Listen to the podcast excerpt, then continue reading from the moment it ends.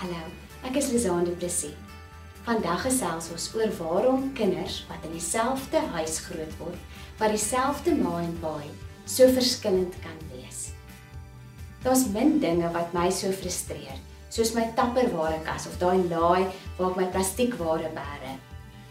Want wat gebeur is, daar's of 'n dekseltjie of 'n bakkie wat nou en dan voete kry. Ek het al begin dink my opwasser eet my deksels.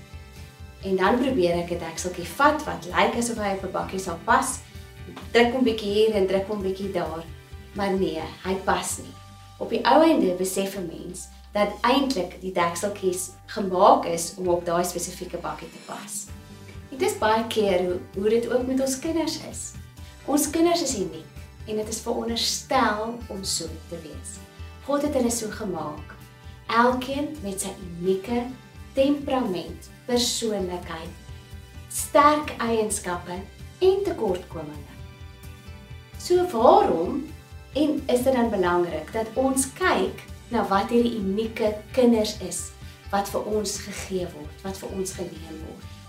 En elke kind moet net soos wat sy bakkie, die deksel is wat op daai bakkie moet pas, moet volgens sy eie unieke temperament, persoonlikheid, ehm um, en sterk eienskappe bemoedig word, aangemoedig word en gedissiplineer word.